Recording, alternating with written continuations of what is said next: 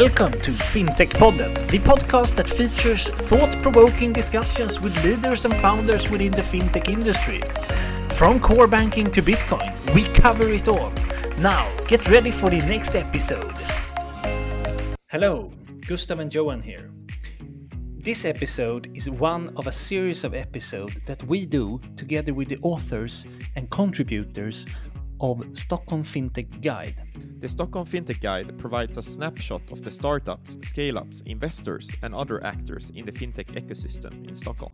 In each episode, we are, together with the authors, discussing one of the areas covered in the guide.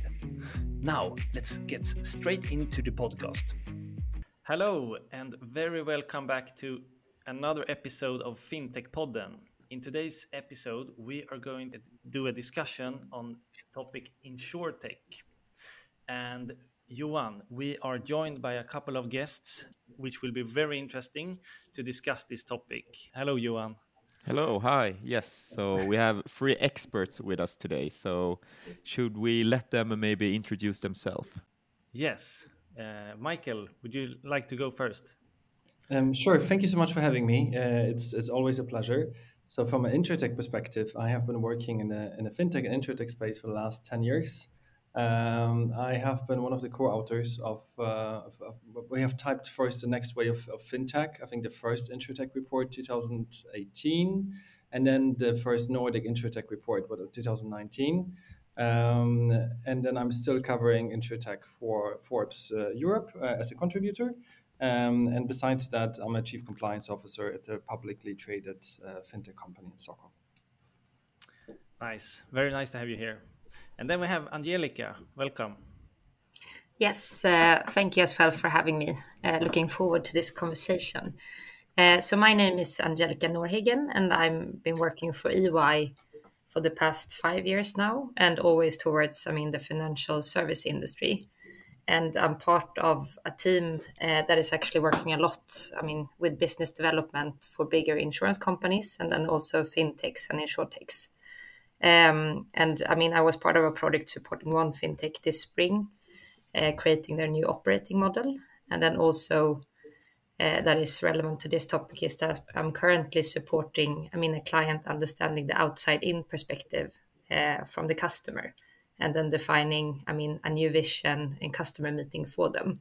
And I think when you talk to customers, I mean, within the insurance market, they get a lot of, I mean, if you ask them about front runners, uh, they talk a lot about, I mean, fintechs and also insurtechs as like Hedvig, Avanza, etc. Mm. Um, and of course, doing a lot of research then on the insurtech market. Uh, interesting, great experience. And uh, then we have Marco as well. Welcome. Thank you very much for inviting me. Um, I have been working in the insurance industry for the last 20 years. And uh, today I work as a CEO of the of Claims Carbon Institute. And our mission is to decarbonize the insurance industry. So I'm in the insurtech industry, industry and I also have a background as an insurer slash health tech entrepreneur, and of course senior management positions in the insurance industry. And I'm really looking forward to discussing insurtech or the threats and opportunities in the industry for us as entrepreneurs. Great. Then, then you have come to the right place to discuss. Thank you. Um, Johan, how do we start? Should we maybe set the scene with a definition of what insurtech really is. Yeah, I think that could be a good uh, starting point. Maybe, uh, Mikael, can you help us with that? Um, of course, uh, um, with the um, with the first insurtech report that has been uh, released um, back back then um, with one consultant and by the Stockholm School of Economics, as I remember correctly, the definition of insurtech has been um, uh, refers to the use of technology innovation and digital-like processes to generate new business opportunities, increase quality, savings, and efficiency at various value-added steps in the insurance industry. This was what we have been able to agree on back in 2018 uh, as a preliminary definition. Uh, and I would rate this definition on a scale from 1 to 10 as uh, 5.1, maybe 5.2. Uh, and a lot of things have changed since then, right? Do you have some uh, a better one now, or maybe some additional comments to the more formal uh, definition? Um, preliminary so when we have fintechs what refers to the fin- so finance and technology insurtech refers to in, in insurance and technology as such so small companies usually which are trying to take on incumbents or work together with incumbents um, which are working very often um, between the different uh, uh, clear definitions of uh, of, uh, of areas of, of the industry and try to capitalize and then fill in the different gaps. Uh, the quality of this definition again maybe 4.3 still uh, so then we have to come back to the whiteboard and define what insurtech is, what it isn't, and it has been very, very difficult to specify that, right? Um, because suddenly you have all of those companies which are doing software for the insurance companies. Okay, but when they do software, is this insurtech technology is software for insurance? So it technically it fills, it goes into the scope, but at the end it doesn't, right? Because it's just software. Then you have all of those companies which are doing digitalization of uh, claims. They just technically scan old claims and take the old claims and take them into uh, into from from paper claims to digital claims. Uh, at the end, is this insurtech again? No, it isn't. It doesn't really fit into the category. But in case you would use the definition from 2018, it would still fit into it, right? Uh, and it has lots of different challenges uh, which are outside of this discussion here. But uh, yeah, it sounds a bit tricky, but I think we have a little bit of an idea maybe, and uh, maybe after this discussion here today, we have a bit clearer maybe in the end. Yes. Uh, do we have any other comments from the guest here on the definition?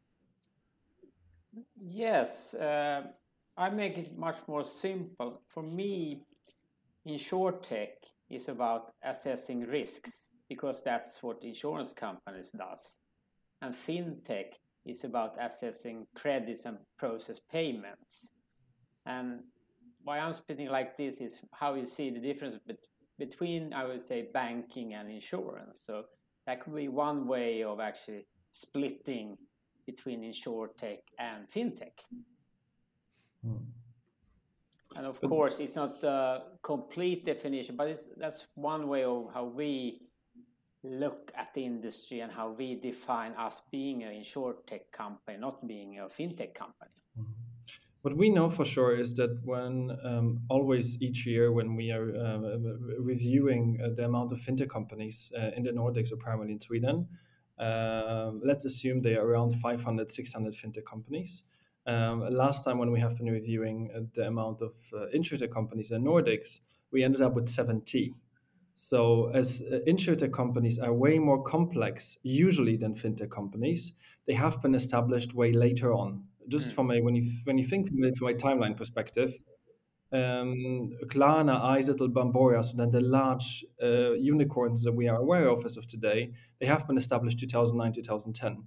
And then, in order to establish them back then, it, they just had to sign up uh, with their registration to the financial supervision, which was quite easy back then.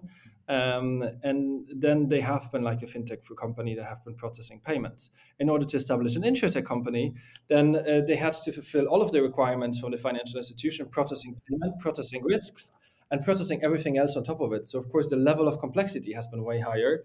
So uh, we had to wait for the market to be a bit more mature, and it's not only a Nordic development; it's a global development. Um, but with this discussion as a foundation, maybe we can uh, move on a bit and dig uh, dig down a bit. Um, Angelica, if we start with you, maybe what do you think are the biggest challenges in the insurtech industry right now?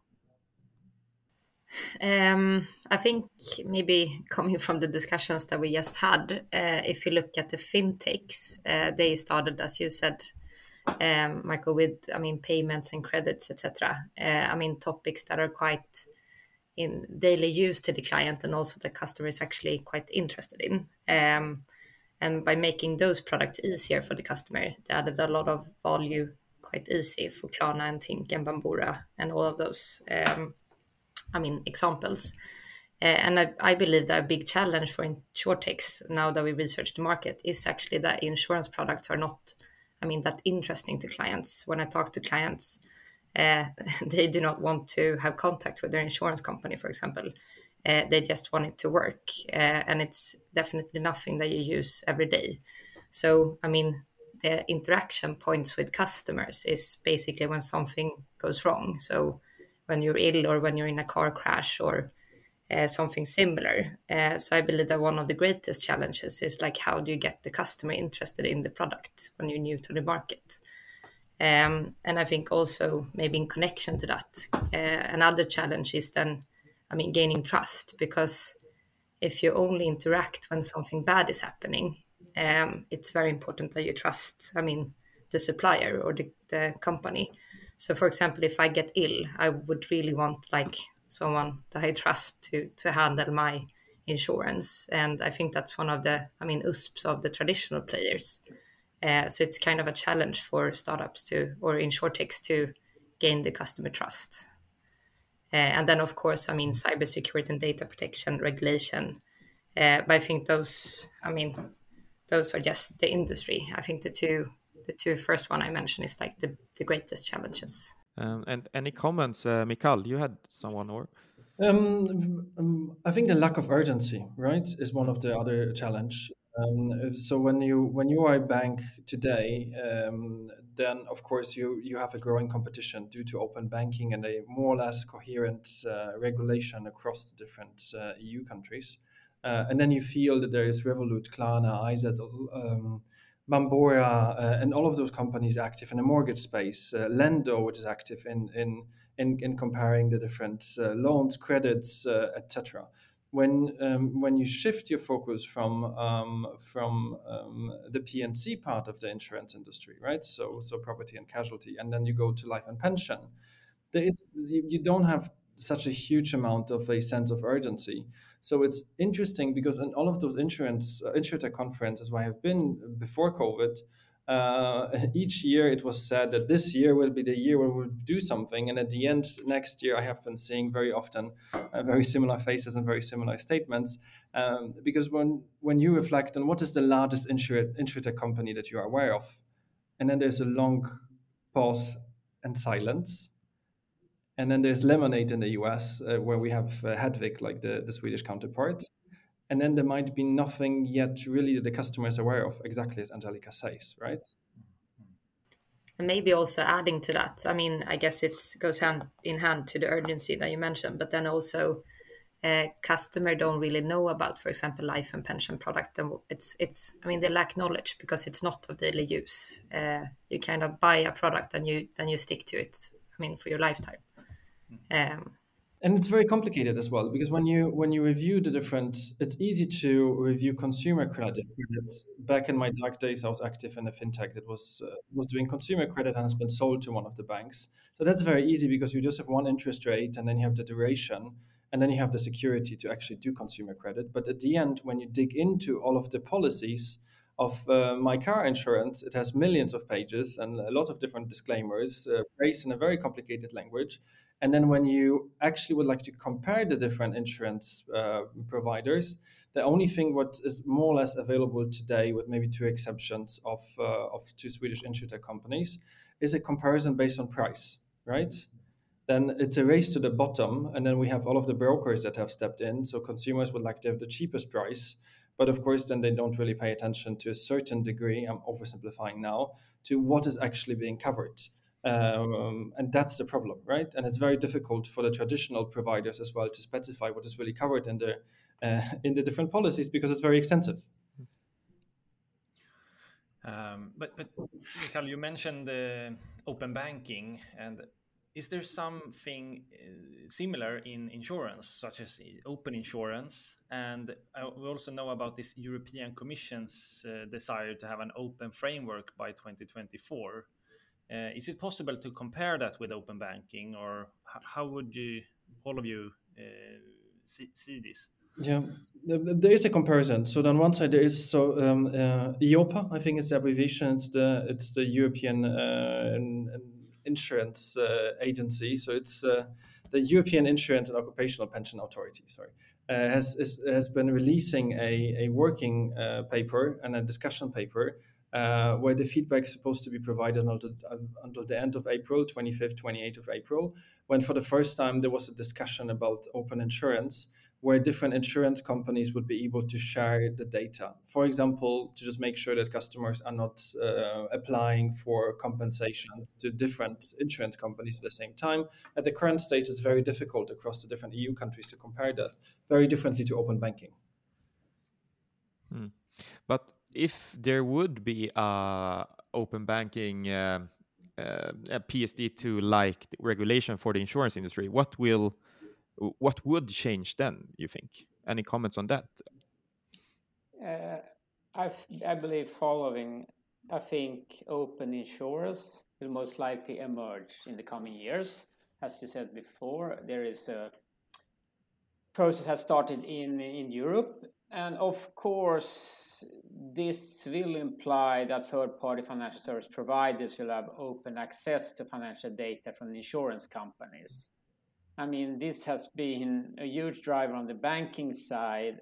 And when this happens, because I strongly believe it will happen, of course, it's all about timing when it happen. And of course, this will be a huge enable for insurtech. And I don't know exactly the regu- regulations in US, but if you read what is happening over there with all the in insurtech uh, startups, what they're really doing is they, they're trying to be part of the huge ecosystem in, in the US. And, and I, I, if you look at different companies, they're really making an impact. And uh, probably EY knows and that you see there are huge investments going into this industry. So, um, of course, it's happening a lot, but it hasn't happened yet, you know, say in the Nordics. But I believe it's happening in, in Europe already because you see traditional insurance companies investing or even uh, having cooperation with startups in, in, Europe. So, of course, this is coming. But Michael, if, if as you are one of the insurtech companies, can you uh, can you give us your subjective view on on why do you think this has happened in the US but somehow in the Nordics? where we have all of the ingredients, right? We have all of the ingredients for it to happen. Mm. So um, the I, population is, is, is, online. There's a high amount of trust uh, and reputation. Angelica has been speaking about. There's a big access to consumer data. There are credible scoring agencies. There's a very good credit bureau. All of the components are there, but somehow we are still not able to to like put them together to some kind of a dish what would be tasty for the consumer, right? uh, from a regulatory perspective. And somehow in the US, they are a bit further. Could you tell me, like, why, from your perspective, this is yeah. the case? Uh, 20, 20 years ago, I worked as a consultant at Boston Consulting Group. And we looked at the Nordic insurance market for a client and the Nordic banking market. And we said uh, in each Nordic country, four company has 80 to 85% of the market share. And if you look today in the P&C industry in the Nordics, it looks the same and it's the same companies. So the traditional players have succeeded to keep, how to say, the oligopoly in the market. And of course, P&C industry is a lot about information, about data. And of course, that's the core business of the insurance industry. They have done this for 100, 150 years. Um, why doesn't that have happened yet in Nordic? Of course, we need. I, I, think the regulators sees sees this, and we need some kind of change that, that we can actually go to open insurance in the Nordics.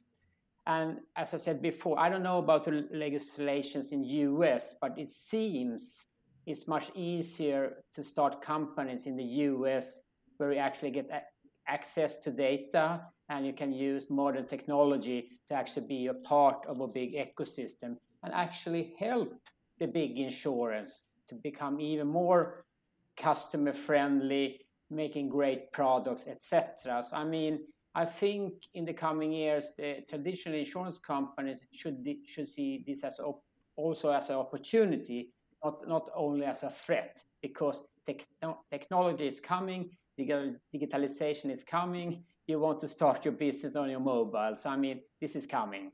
Yeah. But then, Mark, wouldn't you say though that I mean, at least uh, the past years I've been working, mm. and now it's only five years, not twenty. Uh, but then, I mean, that it's more and more. I mean, the, the bigger players, as you mentioned, they are looking more and more how to kind of um, they know that there's new customer needs and expectations mm. on on I mean easier products, easier claims process, etc. Mm. And they know that they might not be able to do this themselves due to legacy systems, etc. So they are actually now looking more into partnerships and new. I mean, also them entering into new ecosystems. So Correct. it might be that our market is just, I mean, slower in adapting to customer expectation and needs uh, because as you say the, the, customer has not pushed for it previously. No. And then of course the big race will come in motor insurance because as we saw a couple of questions we'll most likely discuss mobility. And of course owning a car will be something different in the future. A car will not be a car will be something else. My kids will most likely not own a car and and of course, this is a threat and opportunity for the insurance industry. And yeah, that's a di- different topic. Hmm. um, when we have been um, doing the uh, working on on, the, on this first Nord- Nordic InsurTech report, which is now a bit outdated because it's been like 2019. Now it's I think post COVID, a lot of things have changed more than we actually hoped for um, we asked the um, the insurtech companies what have been the barriers to entry, right? Why couldn't you come? Why couldn't you start earlier? Why? What was the key? What uh, what were the key issues? Um, and sometimes the, the issues have been pretty basic, so they didn't know who they supposed to be getting in touch with uh, on incumbent side. So uh, they wanted to pitch their product at a different idea.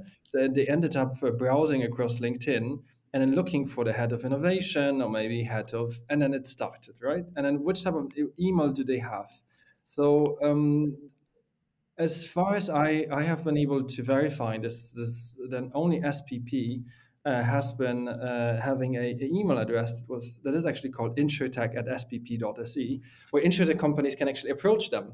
So it's, it's it is as basic as this right? So when you are an insurtech company to whom do you go which type of a pitch deck should you be sending? What should be included in this pitch deck? How do insured, uh, insurance companies inform what do they really look for? What is the size of the company that they would like to work with? Would they like to work with a pre-seed, seed, Series A, Series B uh, type of a company? Um, and this information seems to be very hidden and very un- not public. Uh, so of course this means that we have all of the components in ecosystem, but somehow we are not able to put them together because of this lack of um, understanding of the challenges on the other side, right? And exactly as Angelica was saying uh, on on the uh, incumbents uh, side, the key challenge have been, of course, the um, the issues related with uh, the legacy systems. They have been created in 1960s, 70s, and 80s uh, then it has been very difficult to just plug in something what is um, uh, what is new and created on Python or, or containers. And of course, the, the, the lack of trust as well. Uh, as insurance companies are afraid that working together with small incumbents might result in, in, small disasters, maybe. And in case this will result in small disasters, then, then the image of a stable independent, trustworthy company that uh, the company was working on for the last 700 centuries will break down. yeah, um, but moving on a little bit in, in uh, to another topic, uh, sustainability is of course uh, very relevant, and um, claims carbon, which you represent, Marco, uh, and which is a great example and mentioned in in the Invest Stockholm report. Uh, could you explain a little bit about what you're doing and, how sustainability will play part in, in insurances in the future? Uh, yes. Uh, the insurance industry is a very big part of, Western economy. You can have, you can say it's between 5 to 8% of GDP in one country. So, of course, this industry has a huge impact on, on, on the environment. And uh, because what insurance companies do is that they actually fix what is broken for the customer. That means every time they do claims handling, they have a carbon footprint.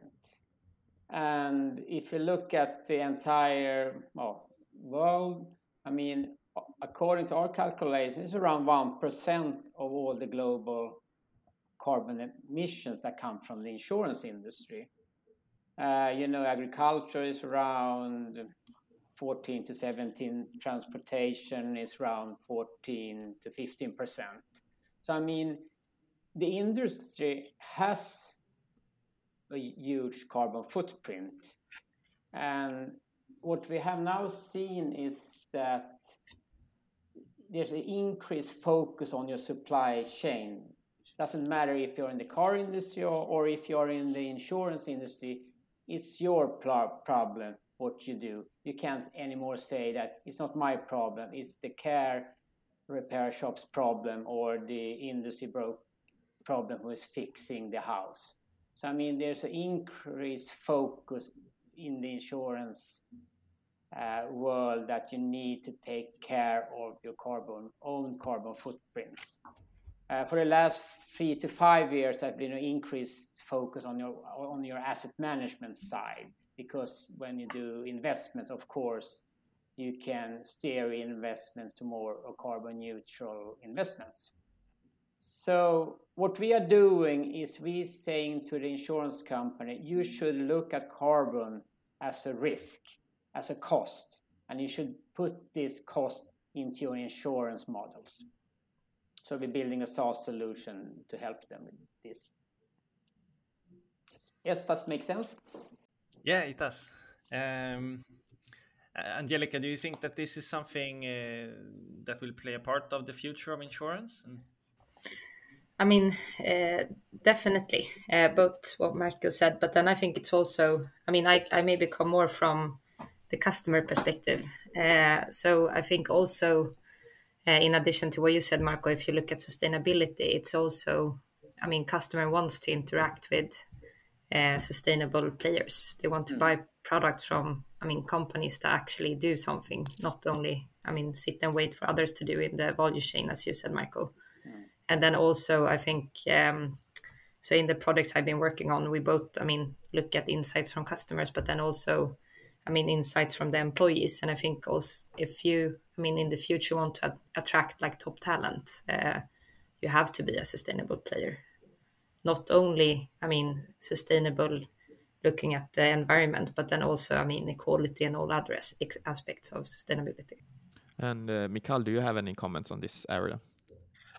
Um, we have clearly seen that it's uh, that it is growing, and when uh, coming back to the distribution area, how uh, back in the days we have uh, we had to cluster the in, the insurtech ecosystem, right? What what companies are doing.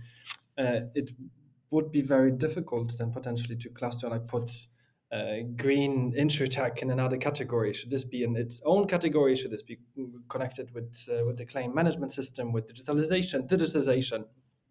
So we see what that is growing, and I just hope that um, the public side will see this as well, because this is an industry which has a very high barriers to entry, uh, it needs a lot of brain power um, and a lot of support in order to to be able to be up and running uh, as as, if, as a startup. Um, but surprisingly, on from a, from a Swedish perspective, Sweden has decided to take a complete different road than, for example, Singapore, uh, which just flipped and then during COVID specified this is the amount of money that we have and we'd like to help companies to grow. You apply and then you have this, let's say, 150 uh, million uh, million euro that, that that you have that you can use. Uh, so here, I think this the Swedish approach has been uh, more to allow the companies to grow more organically, but there's not a lot of support available. Oh, please, you know, Marco, uh, please correct me if I'm wrong, but it's uh, usually there's not a lot of support available. But it seems that in the long run, this turned out to be more successful. Uh, so maybe this is the secret Stockholm sauce of uh, of allowing us to to have those panels and talk to each other and share our knowledge. Uh, but I have clearly seen that this is a, a growing um, um, a growing area that would technically need it, its own subsection of insurtech. Uh, and while doing the, the reviews on all of the different companies, what personally surprised me was that the average age of um, of individuals active in this startup was was nearly 50 right mm-hmm. uh, so we have this misperception for both fintech as well as insurtech companies that these are somehow young uh, individuals who just have been graduating from their bachelor studies and they just create the blockchain based company and insurtech has been way older uh, older more senior in terms of experience when we reviewed the different founders And I don't have the answers to why this is the case, but maybe when we combine the, the barriers to entry as well as the, the amount of complexity uh, that this sector needs, this really displays how much experience somebody who works for this particular company is actually has to bring to the company before it can uh, can be lifted off the ground. Hmm. And um, maybe if we continue looking on some different uh, trends and drivers on the market today, like we mentioned or touched upon a bit, this pay as you go as a new type of model for the car ownership for the future and so on. But do we have any other similar trends, or uh, can we touch upon a bit more, maybe pay as you go as the uh, one of the trends? Uh, of course, pay as you drive, yeah, it is a trend, uh, and uh, and of course there will be interesting how to say where will this end up? Uh, who will be how to say the stakeholder who wins the game? Will it be the car manufacturers? Will it be the tech companies? And what will, or will it be the insurance companies? I mean, this is not yet settled. and a lot of things are happening in this pay as you drive, uh, uh, how to say, uh, world. I mean, uh, it's all about mobility. I mean, how how will how will you how will you look the financing your car? What is what is actually owning a car? And what, but one thing I can say uh, for quite sure in the Nordic perspective, as the insurance companies have seen that to be a player in motor insurance for the next five to 15 years, you need to sell more than insurances. That means you need to sell services to the car that uh, the car manufacturers can't sell. Yeah, sorry, Angelica. uh, no, I was just um, sorry. I was just going to comment on what you say. Who's the winner? Because I guess in the end, if it works and if it's profitable, then it should be. I mean, everyone should be the winner. Yeah. If you have a service as uh, pay as you go, because I mean, from the company perspective, you provide a better service to the customer. Uh, you have happier customer and hopefully more customers. Um, and from the customer perspective, you actually buy for only what you need. Um, so that was my only comment. Sorry. I agree, and of course, as if I would be an insurance company, I like my gross written premiums. But but do we see any other clear trends when we look into the future of this area? Uh, Mikael, do you do you have any on top of your mind? Mm, I think plenty. So what what is important is to um, to actually reflect how everything has changed within the, the ten within the last ten years. Michael, exactly as you said, there is a shift um, when it comes to the younger generation from ownership to access, right? Mm. So instead of buying DVDs, now everybody has access to streaming services, yes. uh, music streaming services. Instead of having their own car, they have access to uh, car as you go nearly right services um, uh, e-scooters etc and of course this creates all of the possibilities and opportunities where insurtech companies step in. Um, for example there, there was a there was a partnership between uh, gojek what is like an uber for motorcycles and mopeds in Indonesia and then Allianz. Because then the question is when you jump on a moped in Indonesia and then somebody was driving you from A to B, what happened to you in case you have been you had a car accident, right? Or um, there is this this very known development. Now, now colleagues in the space will will smile a bit, uh, saying, "Oh, please don't bring this up again." But Oscar in the in the US, so then it, it is an insurance. Uh, it, it's like your health insurance, uh, which is motivating you to walk more. Hmm. So unless you have now walked ten thousand steps a day, your premium will go up. Uh, we have a couple of Swedish examples um, that uh, instead of buying your, your car insurance, you can have a Swedish provider uh, where you just install a, a device and then you pay for your insurance as much as you have been driving. Additionally, the, the device knows what are the different speeding limits on the different uh, roads. So, and when you have been driving properly, then of course your premium can go down, go up. Um, and this is used by insurtech companies to display how innovative the sector can be. But on the other side, when we actually zoom back to what has been the foundation of insurance as such, uh, insurance has been uh, based on the statistical averages medians of, of uh, things happening to us. The likelihood that our house will hopefully not like burn down that we will have some kind of an accident. And suddenly when we move to personalization then uh, all of those individuals which are young and healthy and have all of the possibilities would of course pay a low premium. But then uh, as we grow older then we will not be able to walk 10,000 steps a day anymore, right? And then the entire model has to shift mm. because it doesn't work anymore. So it's suddenly when open insurance comes in and we can share all of this data and potentially correlate open insurance with the open, uh, open um, banking data, uh, then we can see the behavior of everyone. Hmm. Uh, and then this can, is, this can have a very strong impact on where the industry can be going. Um, a, a, friend of mine, which is running Insurtech Australia, he said that in uh, that one of the supermarket chains, they have only two in Australia, like two leading ones, uh, has uh, participated in a um, in a project with an insurance company. So suddenly, when you have been uh, pulling your uh, reward card from a from a from a grocery store, those points have been collected, and then you have been able to lower or increase your premium, hmm. right? Um, and this has, has, a huge amount of implications that are that are beyond the discussion for the society as such.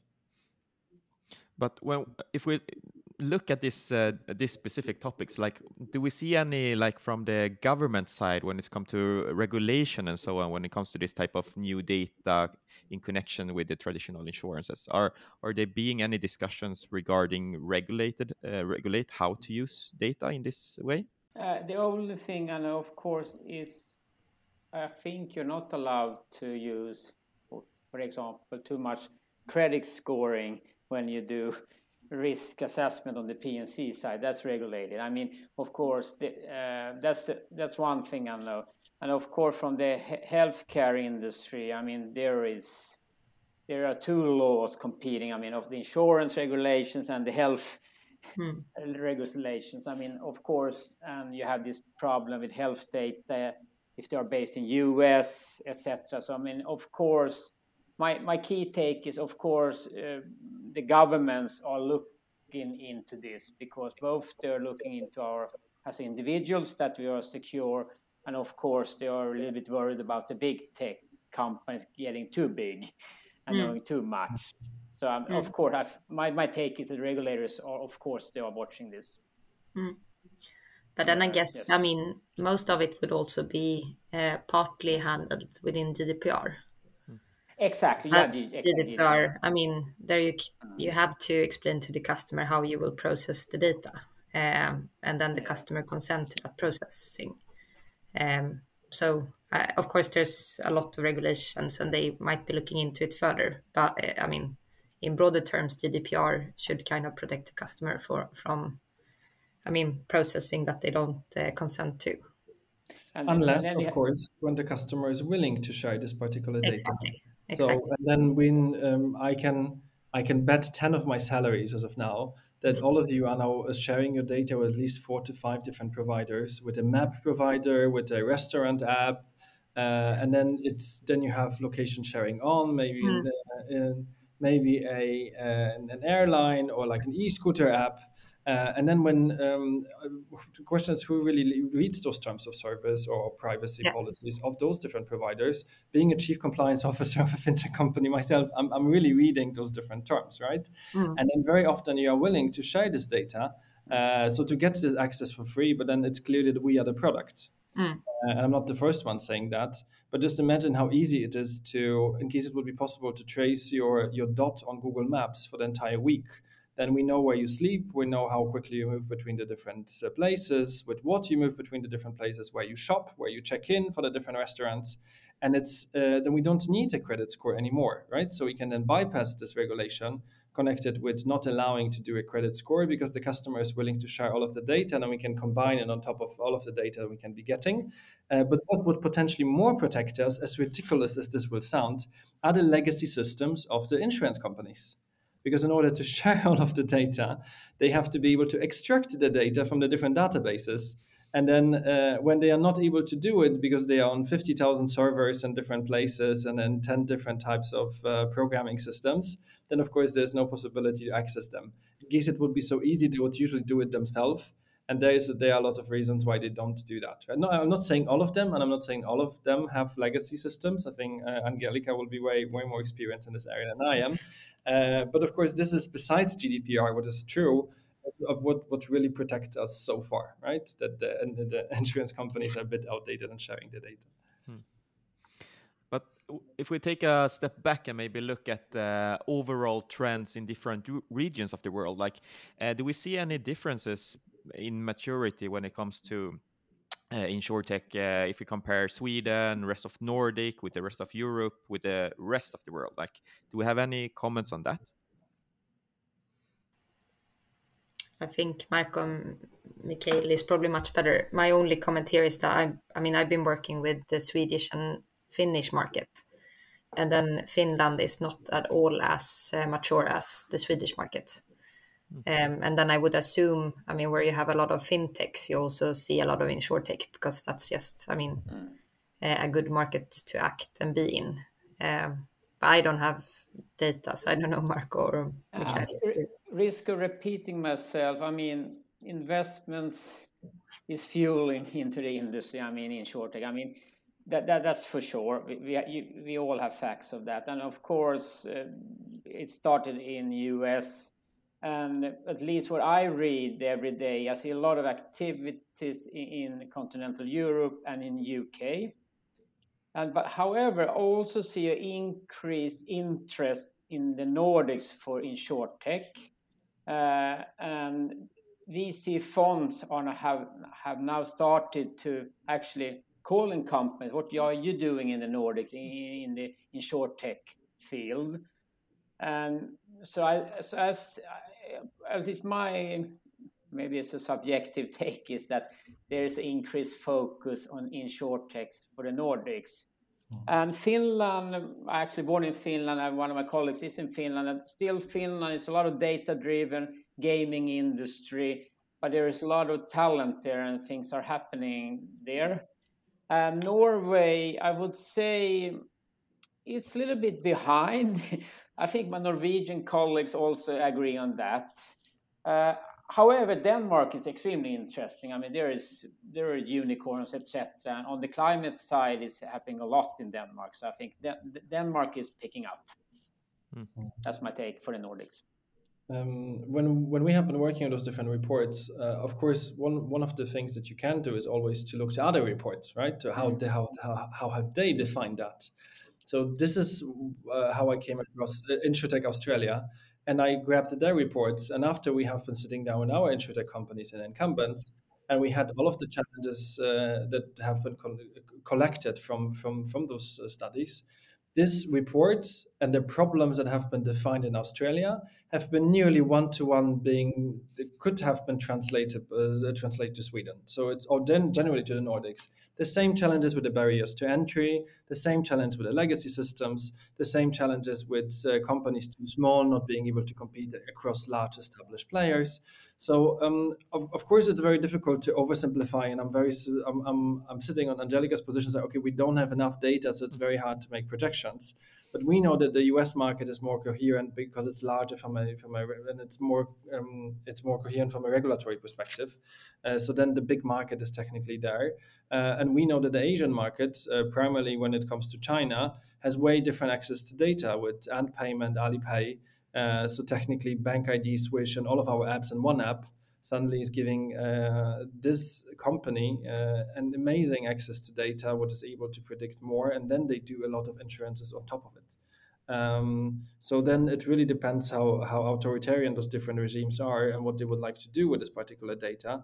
Uh, but but clearly the problems, to be honest, with insurtech companies, as far as we have been able to review, are quite uh, global. Uh, but uh, lastly, we would like to ask you two questions. One is uh, which are your favorite fintechs out there? And can we get some names, perhaps? Uh, one example each, if you got one. Uh, Mikael, would you like to start? always. Um, I'm a fan of Helium. So, what you have to know is I work in a blockchain uh, based space. So um, the idea of Helium is when we have Wi-Fi, which is for all of us, uh, then Helium is giving the possibility to have a Wi-Fi for the Internet of Things. So for like for like the dog collar, for the stroller, for your motorcycle, so you can have a small device, and then this device is tracking wherever your other devices are. And then the advantage is, is you don't have to pay like a SIM card with a data plan, which is pretty expensive. Um, so it is Helium is, is giving a possibility to buy a router and then put this router next to your window, and whoever is using uh, your network, uh, because it's like a long range Wi-Fi, then you get a commission in cryptocurrencies paid out. So suddenly this creates a, a new network to 5G Wi-Fi. So it's like a long range Wi-Fi only for uh, for the Internet of Things, uh, and then it's there is blockchain and cryptocurrency on top of it and it seems from my perspective to be quite compliant so it cannot be used by the dark side. So this was like my discovery of the week. So i watched the clip and i was like happy for 10 minutes that finally there was some kind of innovation i didn't think about. And it's then when you check the network in stockholm then there are so many devices so people have been active. And it seems that this is a revolution that completely bypassed me. Like i was living under a rock. Um, but yeah the discovery of the week was definitely helium. Hmm. that sounds really interesting. Definitely something to to check out uh, Angelica, do you have one? Um, I really like Sequence. Um, it is maybe, I mean, between fintech and insurance tech as it's looking at your savings or, I mean, funds and kind of track. Uh, you can select what industries you do not want to save in, going back to sustainability, and then they kind of show your portfolio and, I mean, how it's distributed.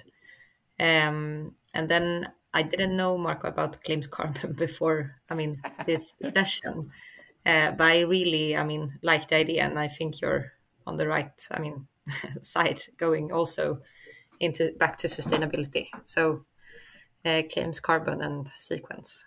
Thank you. Yeah. And then uh, Marco, unfortunately, you can you cannot choose your own company. No, so. I will not. I will actually I will stay in the field climate and insurance, insurtech, and it's a U.S. company called Hazard Hub. And what is mm-hmm. Hazard Hub is doing is generating and analyzing vast amount of data that is very important for property insurance. I mean, they're collecting data on air, water, earth, and fire and of course, these, this data extremely important to project the future for the insurance companies when they assess risks. So I mean, this this is a really cool company. I mean, they have found a niche in the ecosystems, and uh, I think they will be a huge help for the big insurance company in the US. Hmm. Yep. And then maybe a final uh, question for you all. Um, do you have any advice for uh, startups that are uh, or entrepreneurs that are uh, looking into this area on uh, like how to get started in Sweden and so on? And maybe also a comment on: Do you think we will repeat our success in the fintech space when it comes to insurtech, uh, becoming a unicorn unicorn factory in this space as well? Um, Mikael, can you start maybe? The Insurtech factory, right? So this would be yeah, the Insurtech unicorn factory. Um, definitely. So um, it is very important to reach out to the different uh, incumbents um, directly. So we have uh, the Stockholm FinTech Week, and I have been running the the Insurtech verticals for the last two years. And I have seen that there is this huge desire for uh, from from incumbents as well to meet those insurtech companies. Uh, but often, what they claim uh, on the in, uh, on the incumbent side is that they have the money to invest, but they can just not find good um, good companies yet. Mm. so then the goal would be, from an incumbent perspective, to really clarify what a good company might be. What did they really look for? It can be like a one-pager PDF on their website. We look for the following things, and we would like the company to be in the following maturity stage. This is what we can offer, as well as for the insurtech companies to be able to uh, trim down the presentations from 650 uh, slides to maybe three to specify what is the problem that they are solving, what is the technology they're using, and what is the track records that the founders are having. Uh, and then come to the uh, Stockholm FinTech Week or any kind of another um, conference when both of them are meeting, uh, and then try to, to, to connect there. Because then it seems that the key challenge is in the connection and the communication Uh, and Sweden is my seventh country of residence, and it has I have experiences as a country of common sense people. So once you come with common sense ideas, and then you have a very good product, then the other side will clearly be a good recipient of your of your idea. You just have to find a way to find the proper person, what is not very easy. Mm. And Angelica. Uh, no, but maybe what Marco said. I mean about um, the insurtech. So I mean, find a niche and do it. Uh, I mean, be the best player and then partner up uh, with, I mean, the older uh, traditional companies that actually have the customers and know the regulation and know the industry. Hmm. And uh, finally, Marco. I mean, I think we all agree entering the market as a primary insurance is both complex and requires a lot of capital. This is the disadvantage of the, this industry. It's very capital intensive. So, I mean, there are some barriers to enter this industry. However, the industry is huge. I mean, it's 5 to 8%, as I said, of GDP. So that means there are many opportunities there. And I think my suggestion or how to say opinion is that focus on something in, in the ecosystem and do it well and be a little bit nerdy and of course focus on data i mean insurance industry is a lot about data so that's my how to say suggestion for a, for the next startup in in this insurtech world in in, in the nordics hmm. and how many years until we will see uh insurtech unicorn then from uh, stockholm or sweden any guesses it depends how many listeners we'll be having, right? In case we'll have many listeners. So I just assume that 2021 is your year finally to be the unicorn. Uh, and in case you have missed this podcast, so then you have to wait for all of this amazing advice that you have received for free, uh, and then you will miss out. Exactly, exactly. But most likely at the moment, maybe Hedvig has the highest valuation in the market. So maybe let's see if Hedvig could be a un unicorn three to five years time. Who knows? Hmm. That's my best guess. Oh, it will be bought from Lemonade, right? Which is exactly. so it's a kind of a it's exciting. Exactly. So, so I'm cheating a little bit. Of course, I think in the end maybe Lemonade will buy Hedvig. Who knows?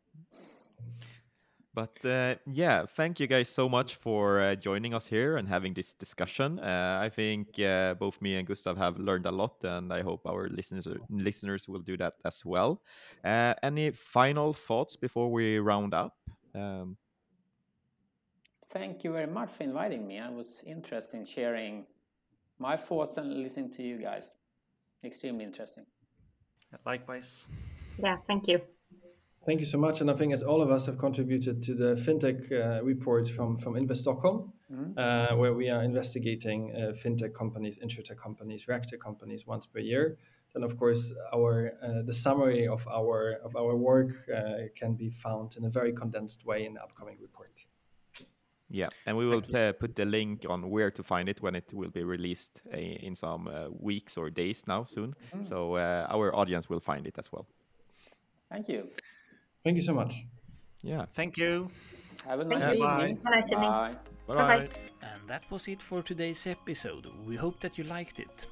Both I and Johan are very happy and thankful that you're listening to us. And if you like what we do here, please go into iTunes or whatever platform you're listening from and leave a review or a rate.